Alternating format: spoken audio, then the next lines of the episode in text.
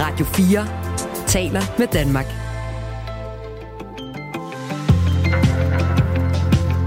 Velkommen til Radio 4 morgen. Ja, Jakob Grosen og Kasper Harbo. Er der noget, du vil slå et slag for, inden vi skal tale om våben? Øh, nej.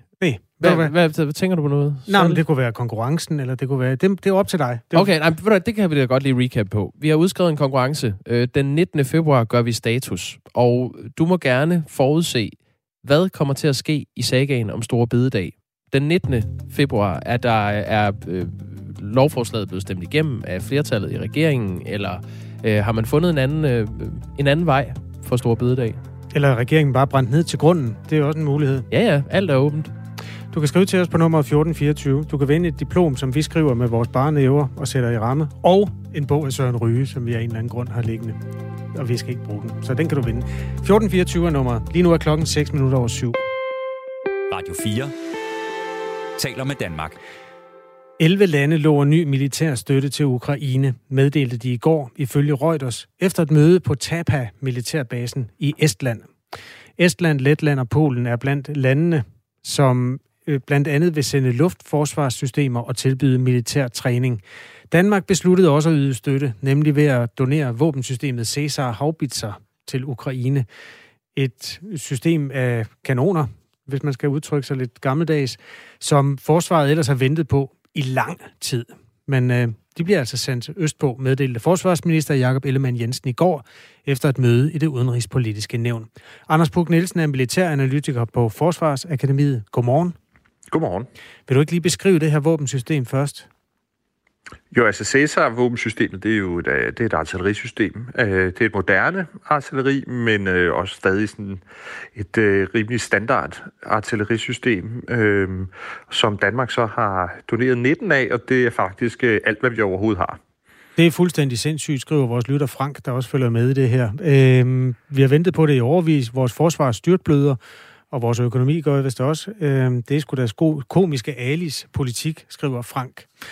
Øh, det behøver du ikke kommentere en til en, hvis du ikke har lyst til, Anders Puk, men øh, altså, står vi så ikke og, og mangler det selv? Jo, altså det sætter jo fingeren på det dilemma, der har været omkring lige præcis det her øh, med at donere Cæsar-artilleriet. Øh, øh, fordi, som, som Frank siger, så er det jo noget, vi har ventet på i lang tid. Vi er i gang med at genopbygge et, øh, øh, et artilleriregiment i Danmark, efter vi har haft det nedlagt. Det passede ikke rigtig ind i den måde, vi tænkte forsvar på, øh, da det var internationale operationer.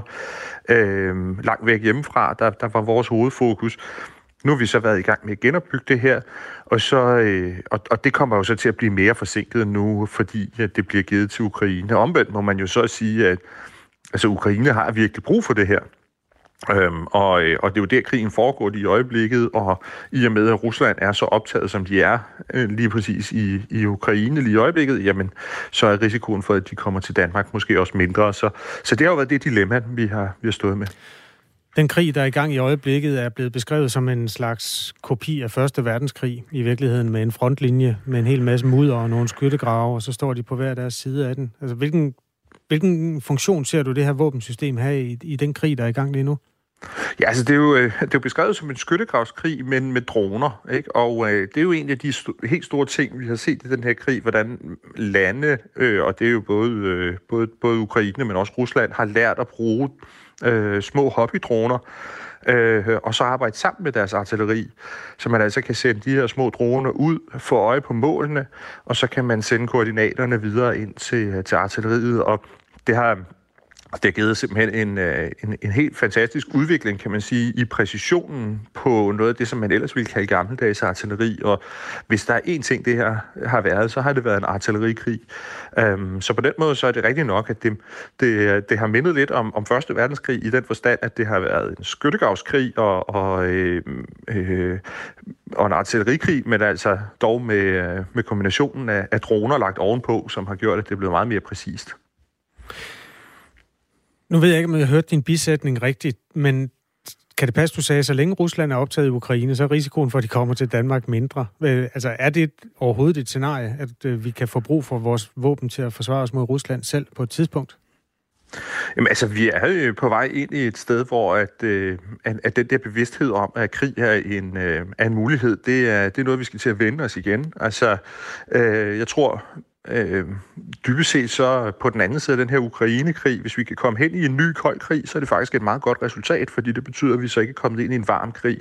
Altså, det, det, det er desværre det nye øh, sikkerhedsbillede i, i Europa. Vi kommer til at have to fronter, der står over for hinanden, og hvor øh, militæret kommer til at spille en stor rolle i at, øh, at, at afskrække øh, de andre. Øhm, og, og jeg kan ikke rigtig se, hvordan det skal udvikle sig andre veje. Så, så ja, altså øh, øh, på den måde, så, øh, så, så er det øh, noget, vi skal til at vende os til også at tænke det der med, men det kan godt være, at vi har brug for våben til at forsvare Danmark eller øh, forsvare NATO. Det her det er jo endnu et kapitel i historien om våbenleverancer østpå, som bliver skruet lidt op i styrke. I går meldte Polen også ud, at de vil sende Leopard-kampvogne til Ukraine. Og det er jo en beslutning, hvor man har ventet lidt med at trykke på knappen. Øh, Tyskland har ikke været super stor tilhænger af det, men den polske melding er altså nu fra premierminister øh, Morawiecki. Morav, hvordan udtaler man det? Kan du hjælpe mig, Anders? Øh, nej, det, vil nej. Jeg, det, det overlader jeg trygt til dig. tak skal du have. Nå, premierministeren i Polen øh, siger altså, at man gider ikke vente på Tysklands godkendelse. De kommer simpelthen bare afsted, de her. Øh, Olaf Scholz i Tyskland har altså været mod, at europæiske lande sender de her Leopard-kampvogne. Den tyske aktieidé er, at de er fremstillet i Tyskland. Øhm, samtidig med det her, det er jo altså den, den lille opskalering, øh, kampvognene fra forskellige andre pansede køretøjer, og så ligger der lidt længere ude i fremtiden muligheden for, om man måske endda vil levere kampfly. Hvor er vi henne i det her øh, billede nu? Altså, hvad betyder det, at polakkerne også begynder at sende kampvogne, øh, Anders Puk Nielsen?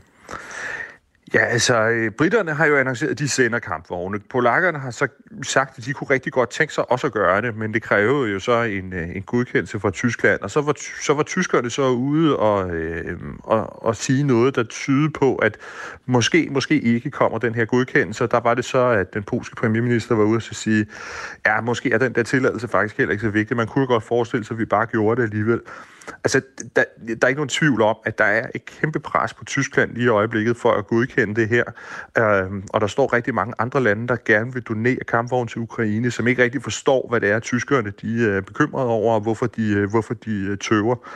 Øhm, men vi må også bare erkende, at det er, det, det er et svært spørgsmål i tysk indrigspolitik, det her. Øhm, og, øh, og, og nu må vi se, hvor det, hvor det ender henne. En, en af de løsningsmuligheder, der måske kunne være, kunne være, at amerikanerne sender et lille antal af deres kampvogne, som ukrainerne nok ikke har noget at bruge til, men sådan rent symbolsk ville det betyde, at så var amerikanerne også med til det, og så kunne det være, at det var det, der, der ligesom kunne lokke tyskerne til også at tage det her skridt. Øhm, men rigtigt, som du siger, altså vi ser lige i øjeblikket, på, på den her side nytår har vi set virkelig, at de vestlige lande har rykket ind i en ny kategori af, af tungere våben, som, som bliver leveret til Ukraine.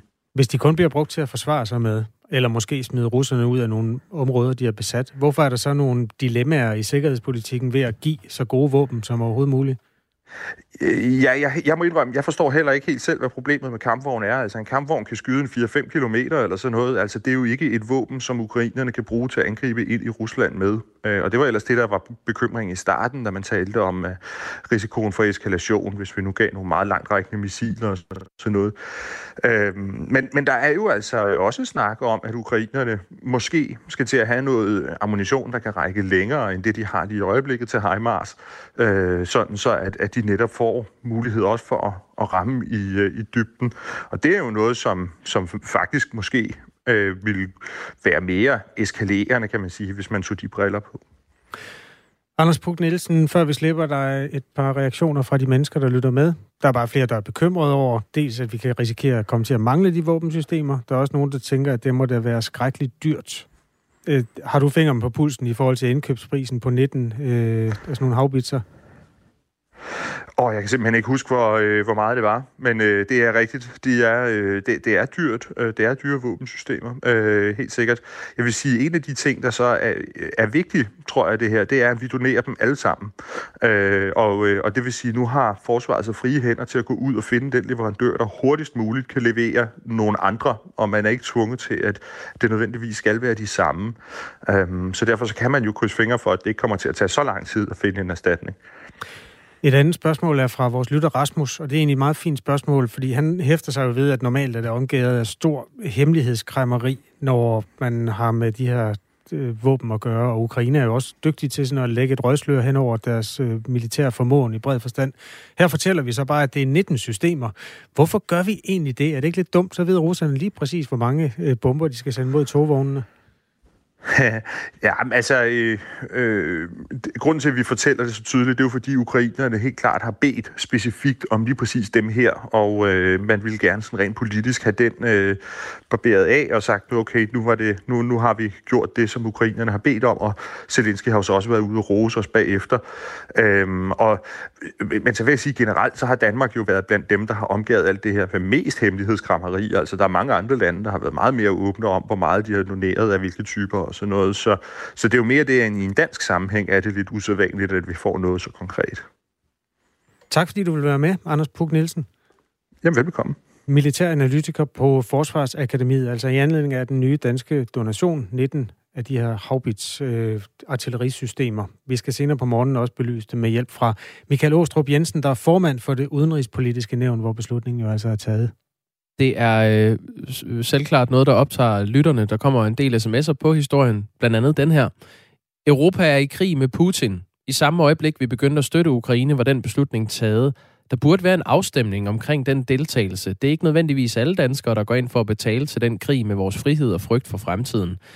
Krig er en forældet måde at diskutere på. Snimyrt ham og få det overstået. Det er en meget farverig øh, folkeafstemning, der er lagt op til der. Altså, så skal der være muligheden for, at vi gør ingenting. Muligheden for at snimyrte Putin, og muligheden for at gå i fuldblåen krig. Eller også den her proxykrig, som vi er i gang i nu. Ja, nej, måske. Hold da op. Det er jo meget op i tiden at diskutere, om ting skal til folkeafstemning. Den der er det nye standpunkt. Det kan vi da spørge Michael Åstrup om. Ja, Vicky skriver, hvad sker der lige for alle de gaver, vi giver ud for tiden, og så noget, vi i Danmark har ventet på? Kunne det være, at regeringen snart skulle blive danskere igen?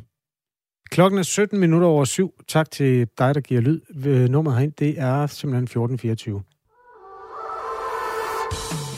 Comedy-kontoret med Torben Sangil og Anders Fjelsted. Jeg vil gerne fortælle historien om gang, jeg blev pisset i ansigtet af en anden mand. Sammen med ugens gæst diskuterer de håndværket bag comedy og analyserer de bedste jokes gennem tiden. Jeg ser bare for mig, du vender dit ansigt op mod pisset, men så finder du ud af, at der er materiale, så der kommer et smil over din læber.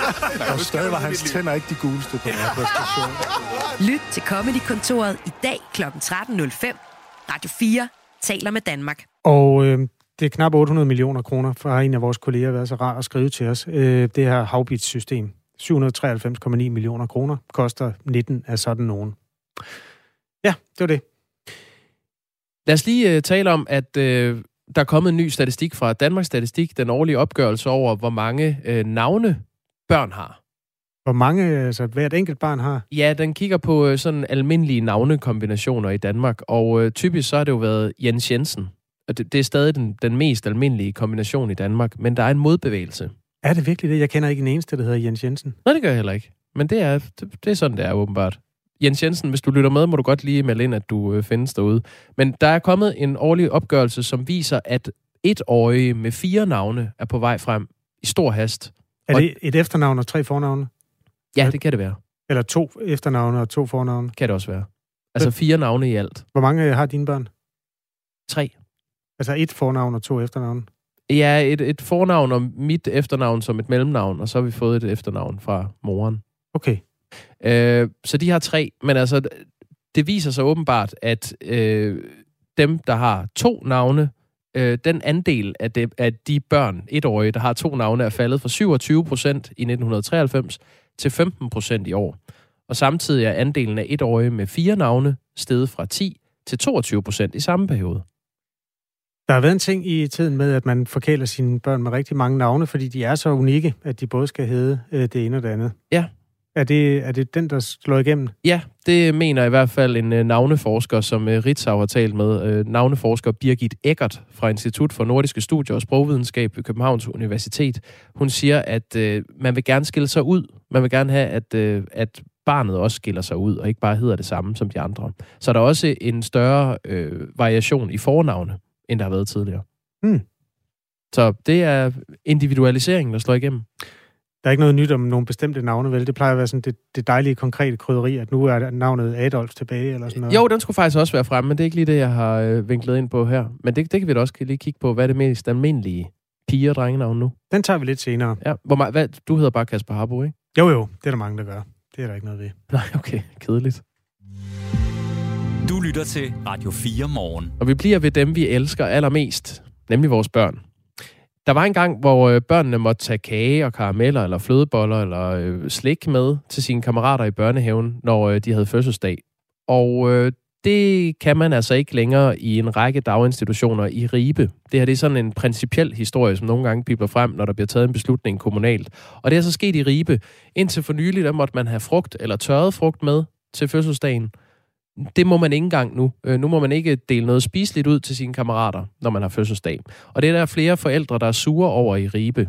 Det er du blandt andet, øh, Sara Klint Jul. Godmorgen. Godmorgen. Du og en anden mor har lavet en underskriftsindsamling mod det her forbud øh, mod, at børnene må tage noget med på deres fødselsdag. Hvorfor har I lavet en underskriftsindsamling?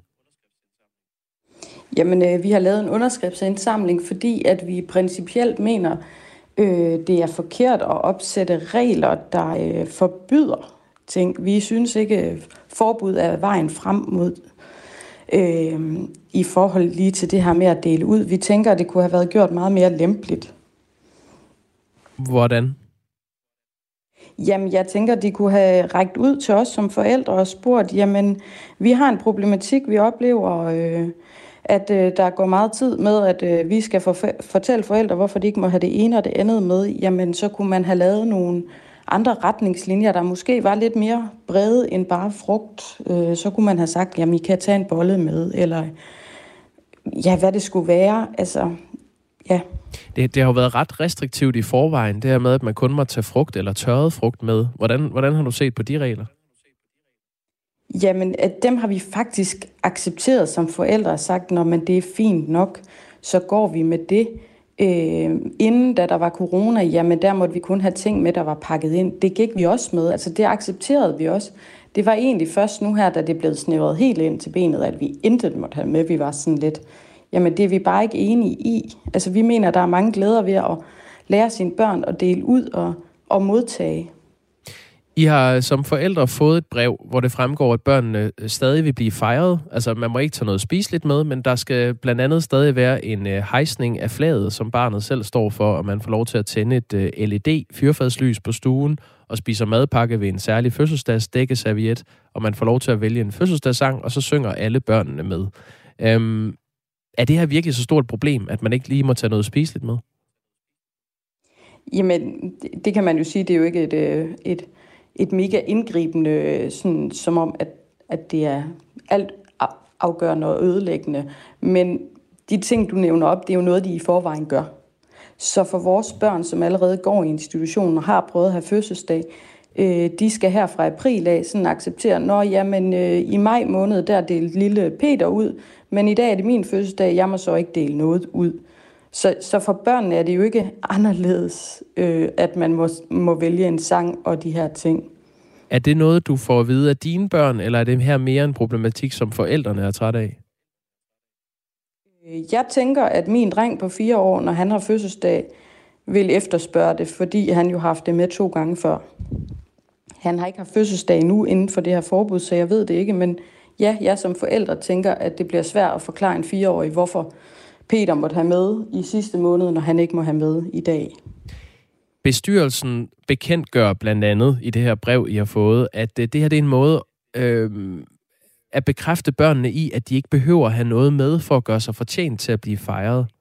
Det lyder jo egentlig meget, øh, som en meget fin værdi at, at lære børnene. Er det, ikke, er det ikke meget fornuftigt? Jo, det kan man da sige, at det er da en super fin tilgang at have. Vi har bare valgt at gå den modsatte vej og sige, at vi synes, der ligger rigtig meget kulturelt i at få lov til at dele ud ved en fødselsdagsfejring. Det giver noget indsigt i, øh, hvordan de forskellige børn i de forskellige kulturer øh, fejrer fødselsdag, hvad de spiser. Man kan få en øh, rigtig fin snak om, jamen, hvad er det, I spiser, når I har fødselsdag, og hvad kan I godt lide? Øh, man kan få en anden madkultur, der ligesom snakker ind i den her diversitet, vores børn vokser op i. Og den synes jeg lidt, man fratager øh, ved det her forbud. Øh, hvis jeg nu skal være djævelens advokat, og det skal jeg jo være, sagde øh, Klint øh, Jul, når, når vi taler om sådan noget her, så jeg har en datter på øh, fire år, og da hun fyldte fire, der ville hun gerne have enjørninge muffins med en særlig slags krømmel på, som skulle laves øh, i forvejen, fordi det var en af de andre piger, der havde haft med. Det er jo det, man risikerer, altså når, øh, når man øh, sætter det frit, at så, så kommer der konkurrence på området, og man skal ligesom leve op til nogle standarder, som ikke alle kan leve op til. Øhm, så er det ikke endnu et argument for at sige, så lad være med at tage noget med, så synger vi i stedet? Jo, det kan man da godt sige, men hvad så, når man vokser op og bliver større? Skal man så også altid øh, tilpasse sig minoriteterne? Jeg mener, det er vigtigt, at, øh, at både forældre til, til børn, der gerne vil have noget med, hvor man tænker, jamen det kan du ikke tåle, eller det er ikke godt for dig. Der mener jeg jo, det er forældrenes opgave at opdrage de børn ind til, jamen vi har taget et valg om, at øh, du må ikke spise det her, eller du kan ikke få det her med, så så det er et valg, vi har truffet. Eller hvis man er en øh, ressourcesvag familie, jamen så tænker jeg, det er børnehavens ansvar at hjælpe dem ind i det. Så kan de have en pose boller liggende i fryseren, som de kan tage op og pynte med glasur, eller whatever. Jeg tænker, man, man laver problemer ud af noget, der indtil nu, i hvert fald i øh, vores område, i forhold til det her med øh, ikke at have ressourcer til at tage ting med, ikke har været eksisterende. Bestyrelsen øh, skriver også, at der nemt kunne opstå en negativ dialog mellem forældre og personale i forhold til, hvad der må deles ud og hvad der ikke må deles ud. Øhm, vil du ikke som forældre hellere have, at pædagogerne bruger tid på øh, børnene, i stedet for at skulle diskutere med en masse forskellige forældre om, hvilke øh, fødselsdagsgodter børnene må tage med? Jo, helt klart. Jeg er da enig i, at, øh, at kerneydelsen skal da være første prioritet. Min problematik ind i det her, det er, at der har ikke været nogen gennemsigtighed. Vi ved ikke, om de reelt set har været ude og spørge pædagogerne, jamen hvor lang tid bruger I faktisk på den her dialog, som, som I, I siger, I har med forældrene? Er det reelt så stort et problem? Fordi så ville det være en anden sag for mig, hvis man sagde, jamen vi bruger faktisk hver dag et kvarter sammenlagt i institutionerne på at diskutere med forældre, jamen så vil det være en helt anden sag. Det er bare ikke det billede, der tegner sig. Vi taler med Sara Klint Jul, der er utilfreds med det her forbud mod at dele mad ud i, til klassekammeraterne. Øhm, nu er der kommet post fra et menneske, der sidder i en forældrebestyrelse i en daginstitution i Holstebro, hvor man har samme problematik, som skriver, en af vores udfordringer er, at maden tager alt fokus til børnefødselsdagene, og maden bliver forældrenes måde at prale på. Hvis forældre efter forældre vil overgå de andre. Vi har valgt, at børnene gerne må have for eksempel frugtmad at dele ud, men maden bliver ikke fotograferet til Aula, og personalet forsøger at flytte fokus fra maden til leg og sang osv. Maden er 99 procent for forældrenes skyld, lyder synspunktet her. Sara, øh, er det egentlig ikke bare for forældrenes skyld? Det ved jeg ikke. Jeg har set øh, et øh, stort julelys i mange børns øjne, når de kommer gående med en kurv med frugt i, som de har været en del af at vælge og anrette. Øh, så, så det ved jeg ikke øh, umiddelbart, om jeg synes. Jeg har i hvert fald mødt mange børn øh, om morgenen, der har skulle dele ud til sin fødselsdag, som har været meget stolte af at skulle være den, der i dag må dele det her ud, og selv havde valgt, hvilket frugt det skulle være. Tak fordi du var med, Sara Klint Jul.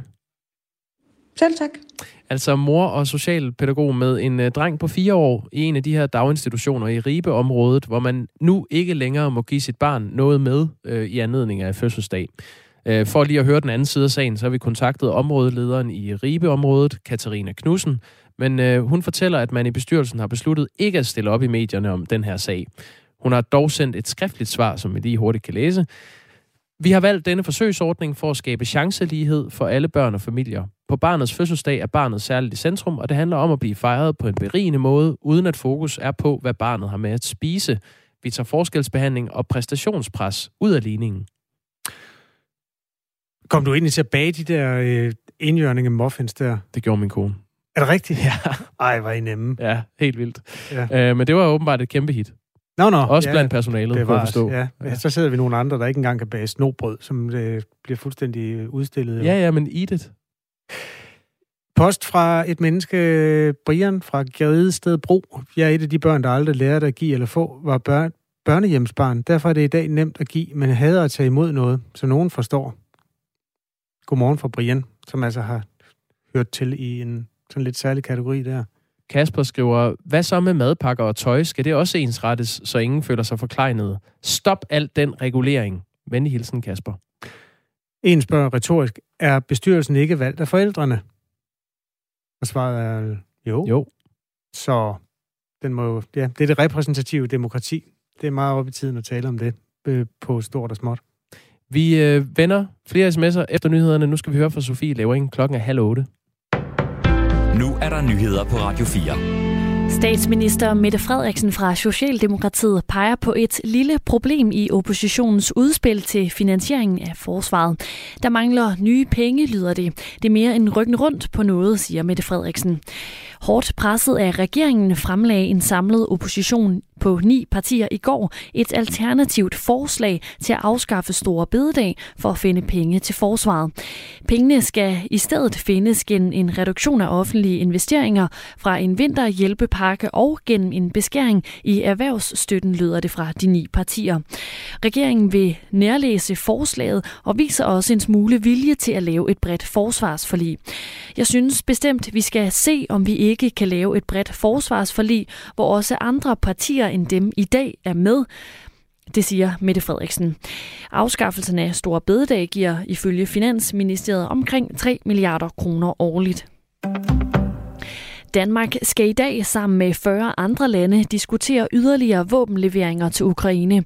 Og her vil alles øjne særligt hvile på Tyskland. Spørgsmålet er nemlig, om Tyskland vil sende sine Leopard-kampvogne til Ukraine, eller om Tyskland kommer til at acceptere, at andre europæiske lande sender de tysk fremstillede kampvogne afsted. Det har Tysklands forbundskansler Olaf Scholz dog tidligere modsat sig.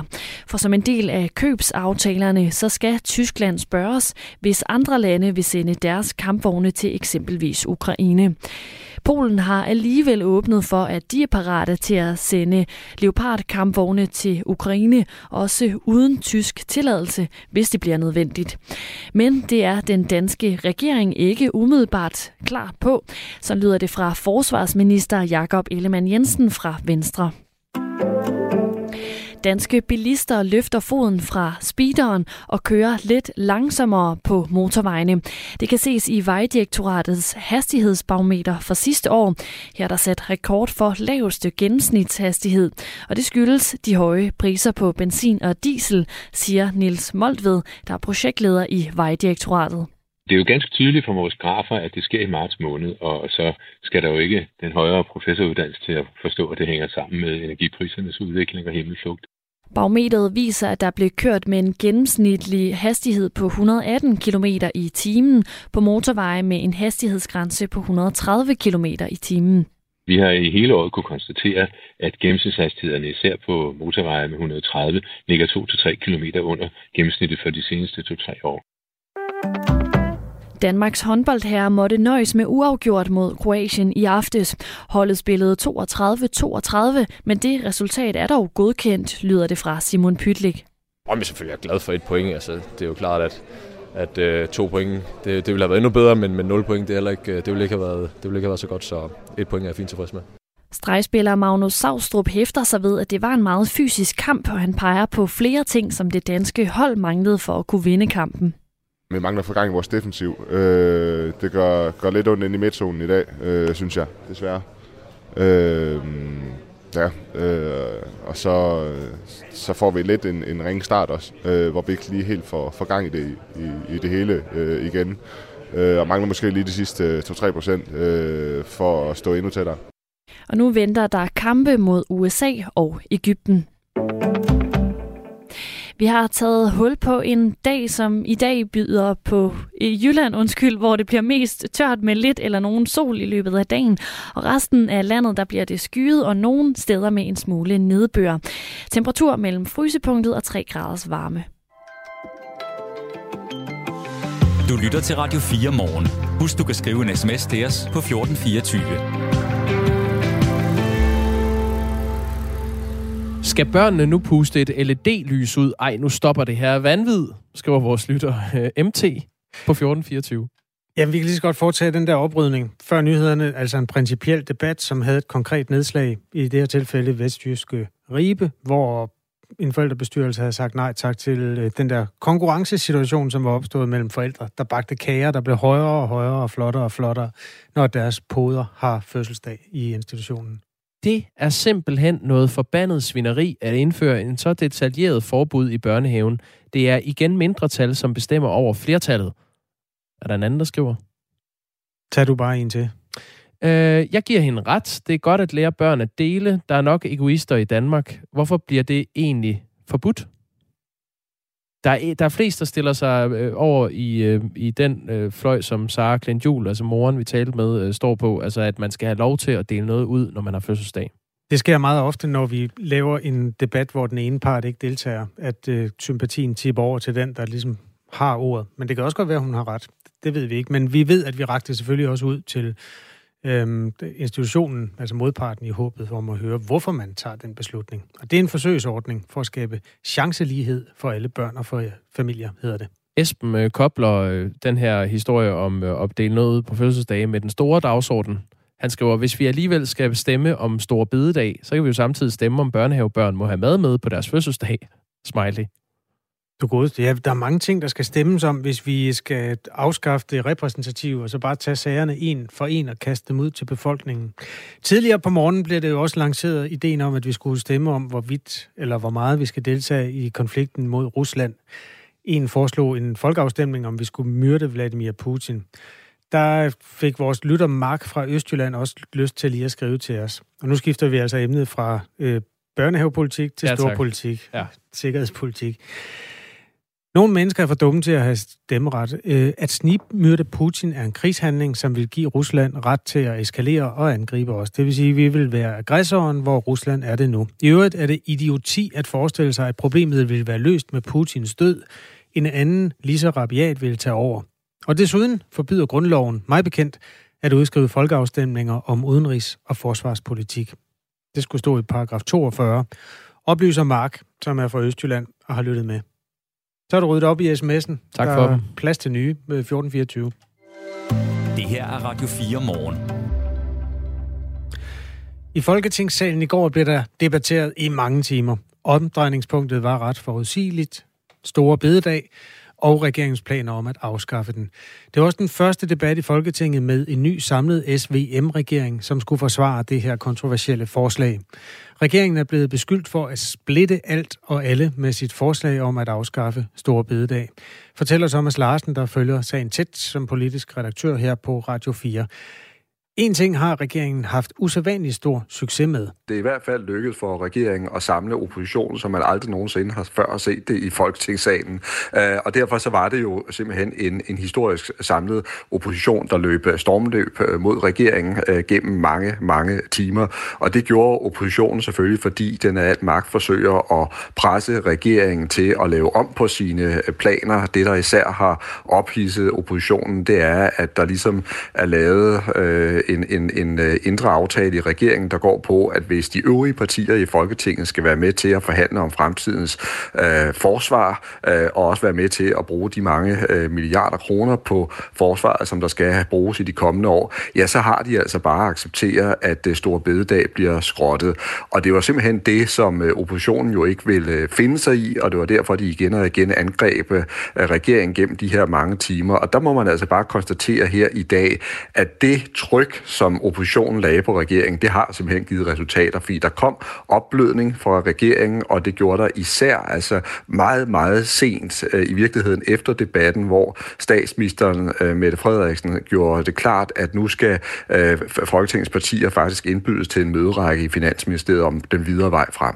Det, der var stridens æble, var jo, at man koblede store bededag og afskaffelsen af den med forsvarsforhandlingerne. Og hvis øh, oppositionspartierne på forhånd sagde, at de ikke ville være med til at afskaffe Store Bededag, så kunne de heller ikke være med til at forhandle om forsvaret. Men lige nu ser vi, ifølge vores politiske redaktør Thomas Larsen, altså en regering, der er gået væk fra den kobling. Der er ingen tvivl om, at regeringen vil stå meget, meget hårdt fast på stadigvæk og, og skrotte øh, store øh, bededag.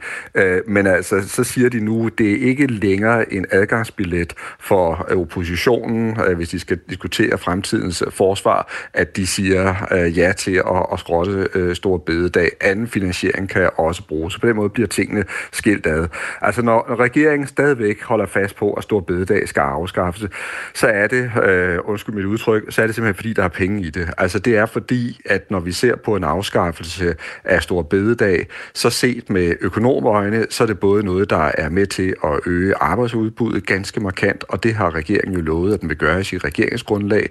Og så er det altså også noget, som sagt på godt dansk, giver øh, gode øh, kroner i, øh, i statskassen, som regeringen kan bruge på sine kommende planer og initiativer. Og det er simpelthen derfor, at det er vigtigt for regeringen at, at holde fast i, at stor bededag skal skrottes. 2% af vores bruttonationalprodukt skal gå til forsvarsbudgettet, og det er behov, der er rykket tættere på, og derfor skal der altså findes nogle penge nu. I den her uge kom de ni oppositionspartier med tre konkrete forslag til, hvordan man alternativt kan finde pengene, i stedet for at lave om på arbejdsmarkedets øh, vilkår ved at inddrage en, en øh, fridag og gøre den til en arbejdsdag. Forslaget fra oppositionspartierne går ud på blandt andet, at man skal reducere de investeringer, som det offentlige laver, og så skal man beskære støtten til erhvervslivet. Regeringen har lovet at kigge på, forsvaret, eller på forslagene med konstruktive øjne, men der mangler nye penge i det her forslag, sagde statsminister Mette Frederiksen i går. Øh, Thomas Larsen øh, forklarer det her. Altså det, det handler om, at regeringen fortsat vil prøve at presse oppositionen til at finde flere såkaldte nye penge. Men grundlæggende, så mener jeg altså, at bundlinjen er nu, at regeringen har rykket sig. Uh, statsministeren har givet sin finansminister besked om, at nu skal der altså åbnes for en møderække om økonomien, og man kan også høre på flere af partierne i oppositionen, blandt andet de konservative og Danmarksdemokraterne, der direkte har sagt det, at nu synes de rent faktisk, at regeringen er i bevægelse, og nu øh, føler de, at øh, døren lige så stille og roligt er ved at blive lirket op, sådan så de kan være med i forhandlingerne om øh, fremtidens øh, forsvar. Og der tror jeg altså også, man skal være klar over, at på de øh, indre linjer i regeringen, der har regeringstoppen erkendt, at de kan simpelthen ikke holde øh, de øvrige partier ude af de her ekstremt vigtige forhandlinger, fordi krigsomkostningerne vil blive enorme. Det vil betyde, at stemningen mellem regeringen og resten af Folketinget vil være giftigt, altså næsten fra dag et, og man vil have en giftig stemning i Folketinget, altså mange måneder frem, hvis det øh, sker. Og så skal vi jo også lige huske, huske på, at den her øh, kommende øh, forsvarsaftale, som vi taler om her, det er jo ikke bare sådan en normal en i rækken. Vi taler om en historisk oprustning af det danske forsvar, og når en aftale er af så store dimensioner, så er det også vigtigt for en regering, at den er bredt funderet, det vil sige, at der er mange partier, der er med til at indgå den. Jeg tror også, at man i regeringen mener, at det er vigtigt for forsvaret selv. Modstanden mod det her forslag er i hvert fald bredt funderet. Det er både fagbevægelsen, og der er biskopper, og nu den samlede opposition, der består af de allermest blå partier og de allermest røde partier. Og så er der jo et øh, erhvervsdrivende og små markeder rundt omkring, der synes, at store bededag er noget, man skal gemme på. Til gengæld har regeringen jo altså noget, som de andre ikke har, nemlig flertallet i Folketingssalen. Folkeafstemningen har også generelt været imod at fjerne helligdagen, og derfor, undskyld, folkestemningen har jo altså også generelt været imod det her. Og derfor bliver det, ifølge politisk redaktør Thomas Larsen, interessant at læse, hvordan det her slår igennem, når der skal måles på den politiske stemning i landet, efter at man eventuelt har afskaffet store bededag? Regeringen har jo altså øh, musklerne, den har øh, mandaterne til at skrotte store bededag, og det tror jeg, den kommer til at, at, at gøre, og på den måde, så kan man sige, så viser den sin styrke, men jeg er ikke sekund i tvivl om, at det her det kommer til at koste øh, vælgermæssigt. Øh, spørgsmålet er udelukkende, øh, hvor meget. Socialdemokratiet kan ikke komme til at gå igennem det her uden altså at inkassere øh, nogle, øh, nogle nedgange, tror jeg, og måske også nogle meget markante nedture i meningsmålingerne. Det vi skal lægge mærke til lige nu, det er jo, at Socialdemokratiet er på direkte konfrontationskurs med hele fagbevægelsen, og det koster.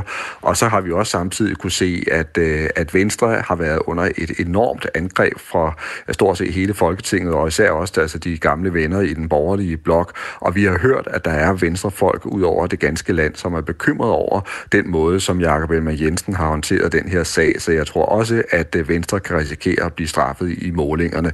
Så de får nok en, en stor del af deres politik igennem her, men det bliver altså med en omkostning. Ja, der var altså kæmpe debat i Folketingssalen i går, og ja, fuld fart på den. Ja, kan vi ikke lige tage et nedslag, øh, som ikke handlede om Stor Bededag? Jo, det For der var kan tro, virkelig øh, gang i snakketøjet i går, og øh, der kom et eksempel på, at det, det danske sprog er i konstant udvikling.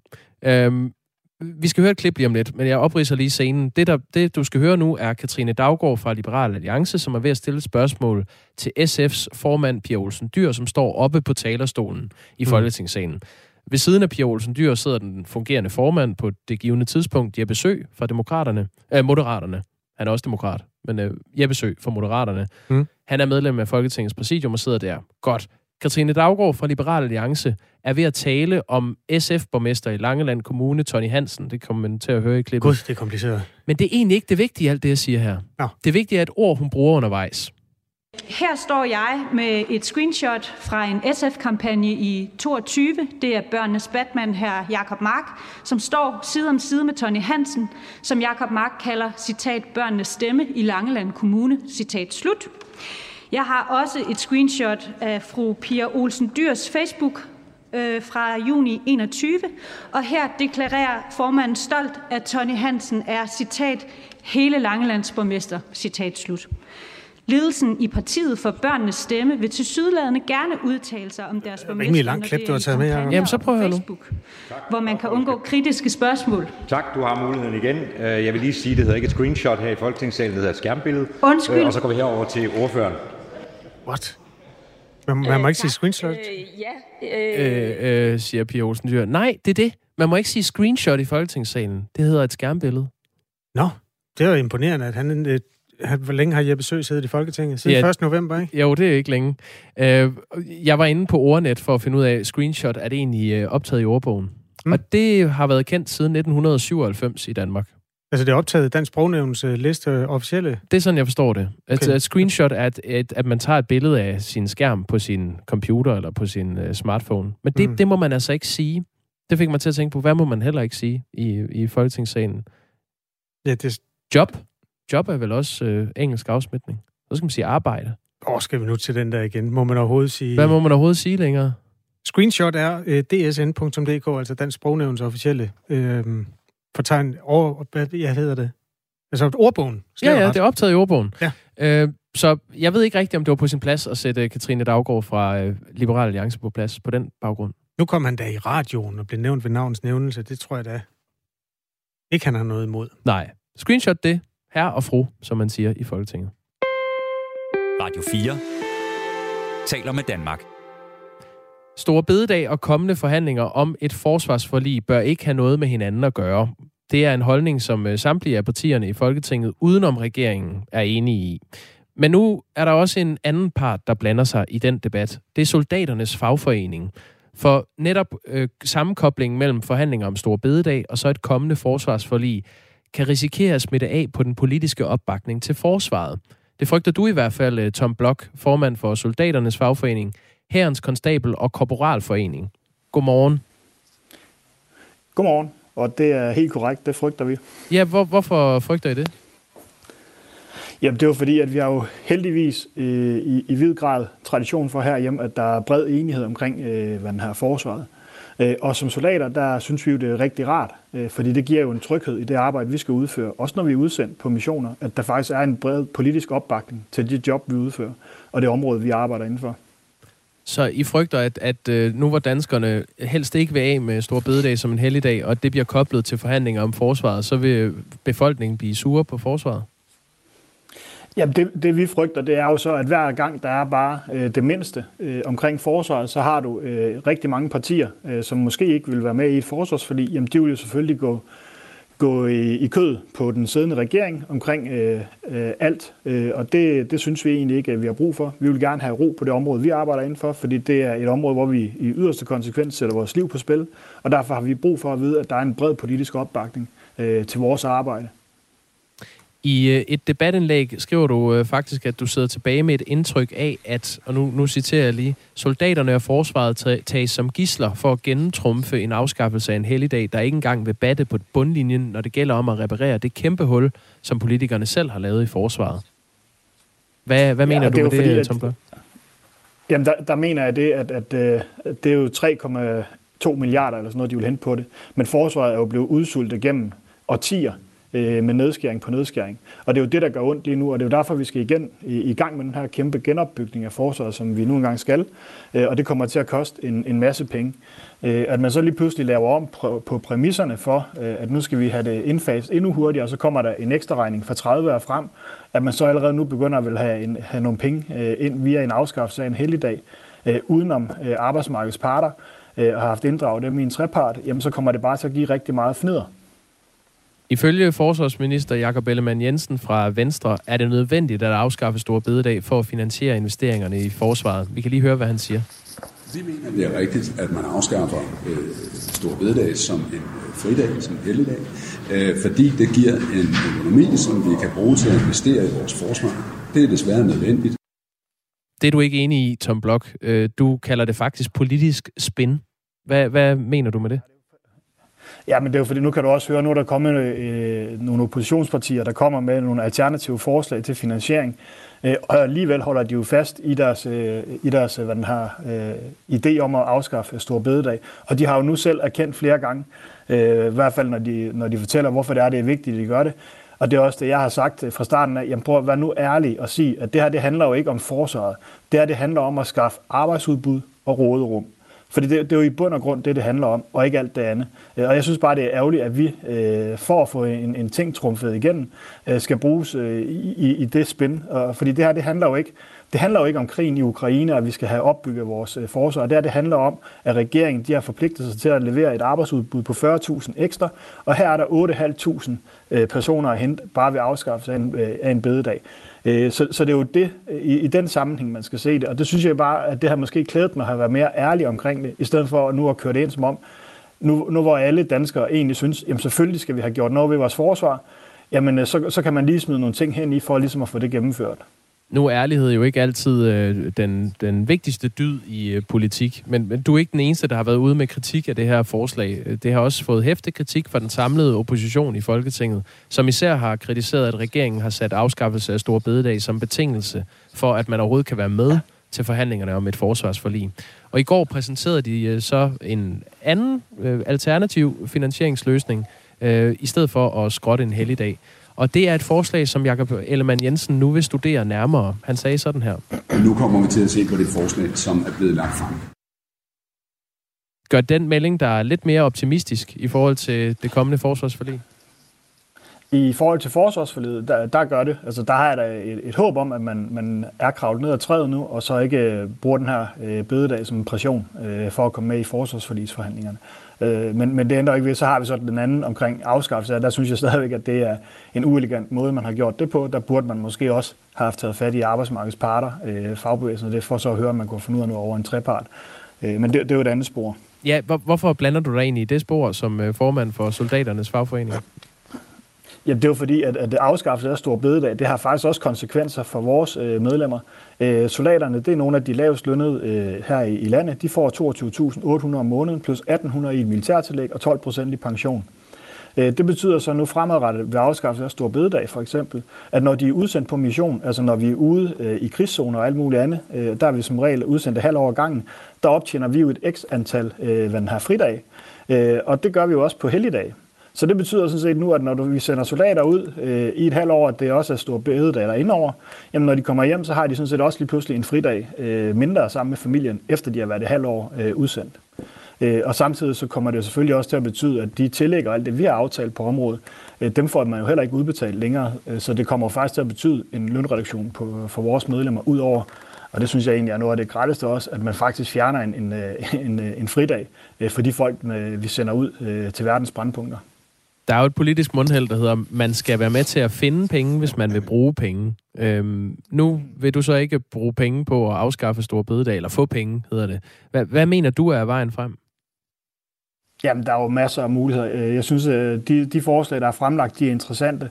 Øh, men jeg synes også, der er også noget andet, der var interessant. Jeg synes, jeg kan huske, at her i august måned sidste år, der opskrev Danmarks Statistik, vores hvad den her, man havde den statsøkonomi med, var det 25-26 milliarder, øh, hvor de 16 milliarder, de var kommet af øget indkomstskatter, øh, hvor man så kun i det her øh, regeringsgrundlag har taget 4,5 milliarder med over. Jeg tænker, at det kunne måske være, at, at rådrummet er større end det, man har lagt til, til grundlag for, at man vil ud og hente og lave alle de her reformer. Tak fordi du var med, Tom Blok. Det var så let. Rigtig som, god dag. Ja tak, i lige måde. Altså formanden for øh, soldaternes øh, fagforening, som hedder Herrens Konstabel og Korporalforening. Den gamle lektor undres over, skriver han, at der ikke i højere grad bliver snakket om, hvem der lukkede ned for forsvaret. Svaret er Anders Fogh, der lukkede for nærforsvaret og syntes, det var vigtigere at sende krudt og kugler til Mellemøsten. Det er den beslutning, vi skal rette op på nu, skriver den gamle lektor. Mm, det er vist det. Ja, medmindre vi lige skal give øh, Mia fra København lov til at lave lidt øh, uh, whataboutism. Hun skal, der, der bliver sagt, at forsvaret er udsultet gennem årtier. Det er folkepensionen også. Hvem kan leve af 9-10.000 kroner per måned med husleje på 6.000 kroner, dyr, el, tandlæge, medicin, måske lidt mad, vil arbejde fire timer den 24. for at give øh, folkepensionister en tidsvarende pension, i det mindste give dem gratis transport af et indspark. Ja, man kan øh, skrive til os på nummeret 1424 med sin mobiltelefon. Du lytter til Radio 4 morgen. Jakob, prøv lige at lukke øjnene. Mm. Og så forestil dig den der gode fornemmelse, når du har købt et stykke rigtig dejligt fjerkræ. For eksempel, øh, lad det være en kylling. Mm. Sådan en god, velnæret økologisk en på halvanden kilo, ikke? Fersk. Ja. Kender du den følelse af at stå med sådan den der lille krop i, i hænderne og tænke, det her det er et, et lille dyr, som jeg skal tilberede? Ja, når den er pakket ud af plastikken. Ja. Ja, det, det er sådan lidt fedtet, lidt blød, øh, kold fornemmelse. Ja, det er det. Så hvis du øh, lukker øjnene igen, når du har bare holdt den lukket fortsat, lukket. og så prøv at skalere op sådan der til jul en gang imellem, hvis du har prøvet at stå med en and eller en lille gås. Har du Mhm. prøvet det? Ja. Det er En også... lille poussin. Ja, nej, poisson, det er en meget, meget lille Ja, fugl. det ved jeg godt. Du skal op i de der 2500 gram, 3, Okay. 3 kilo. Ja, jeg står med den nu. Så prøv at, at du forestiller dig det der stykke fjerkræ, så prøv at forestille dig, at du kigger ned på den, og så opdager du, at det bare er en stor, fed tusse. Ad. Det er det, der er sket i øh, Australien, hvor man har sat ny tusserekord. En, øh, de der cane toads, som er en, det største ø- økologiske selvmål, der nogensinde er begået. Altså sådan en opsvulmet, brun, grøn, slimet øh, slemrian. Du kan få et billede af ham eller hende. Jeg ved faktisk ikke, om den handler om Hold da helt øh, op. Ja, et ordentligt lokum det af en, øh, af en tusse er blevet fundet. Den vejer 2,7 kilo. Øhm, de der tusser, de er jo alle steder på kontinentet. Det, det ligner jo, altså den er jo større end, hvad, hvad kan vi sige, den er større end, en, end et pindsvin. Den er tre gange så stor som en pindsvin. Den er så vanvittigt stor, som man slet ikke forstår det. Den, er, øhm, altså, den vejer 2,7 kilo, hvilket den har været frem i nyhedsbilledet andre steder i dag. Øh, det svarer jo lidt, så hvis du føder dig et lille barn, så har du øh, noget, der ligner den tusse der. Øhm, og formentlig den største nogensinde. De der tusser, de er... Jeg har aldrig været på Australien, men min bror var, øh, da han var ung, dernede og køre henover øh, sammen med en kammerat, og han sagde, når man kom til de områder, hvor de der øh, tusser, de var, så var det sådan ligesom at køre på sådan en gammeldags hulvej, så kørte man bare sådan... Ej. de der kæmpe tusser, de splattede ud. Det er jo nogen, der blev i sin tid importeret til Australien, fordi man havde det sukkerrørsplantageerne, de blev angrebet af insekter. Ja. Og så tænkte man, hvem spiser insekter? Det gør tusser. Så man tog de største, man kunne finde, som var de der cane toads, og de fik navnet cane, fordi det er sukkerrør, ikke? Jo. Og så smed man dem ud, og så er det bare gået bærsærk siden da. Det siger jo sådan der. Det lyder som en spætte. Ja, De, altså, når man kigger på, på lige det her pågældende eksemplar, som så skulle være det største ben, så er de jo lige så lange som en menneskelig underarm. Ja. Den kvindelige forsker, der står og holder tusind, øh, sveder simpelthen, så det drøber. det er gigantiske. De bliver større og større, øh, og øh, de har ikke rigtig nogen, det er jo det, der sker med invasive arter, nogen naturlige fjender. Der er noget gift i dem, der gør, at hvis der for eksempel kommer en alligator forbi og spiser sådan en tusse der, så går det værst ud over alligator. Nej, jo ikke, ikke værst vel, men alligatoren lider så meget skade, at den aldrig spiser en igen. Ja, okay. Nogle af dem dør. De kan også angiveligt, og det, det her er lidt ude i noget, jeg ikke har læst til bunds, men de kan skifte køn, og det gør det jo lidt sværere at udrydde dem. Det kan vi jo også. Ja, men det, de gør det ikke juridisk. De gør det simpelthen øh, sådan fysisk ved en mand eller en frømand, ikke? Øh, mandefrø. en han. ja, mister sine øh, kugler. Ja. Øh, den vil så efterfølgende udvikle evnen til at øh, producere æg, så vidt jeg forstår. Men der har jeg altså kun lige taget toppen af isbjerget, så den skal du selv lige læse videre op på. Ja, jamen, det vil jeg da helt sikkert gøre. Jeg, jeg ser at øh, både øh, sådan nysgerrig og frastødt af den nyhed, du kommer med. Ja, det, det gode nyhed er altså, at den kommer på museum, så du risikerer ikke at møde den på 2,7. Du risikerer kun at møde alle de andre. Har de slået den ihjel? Nej, nej, nej, uha, nej. Øhm, den skal, nu skal jeg lige læse. Den skal på museum et eller andet sted. Queenslands Museet er interesseret i at tage imod hende. Okay, det er en hund. Det er simpelthen en hund. Ja.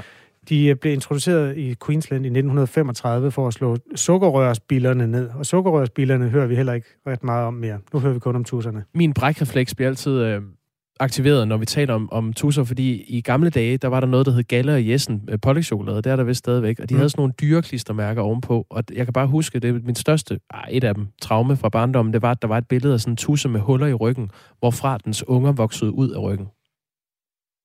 Ja. Vi når ikke mere. Øh, nu er der nyheder med Heldigvis. Sofie Levering klokken er 8. Puh.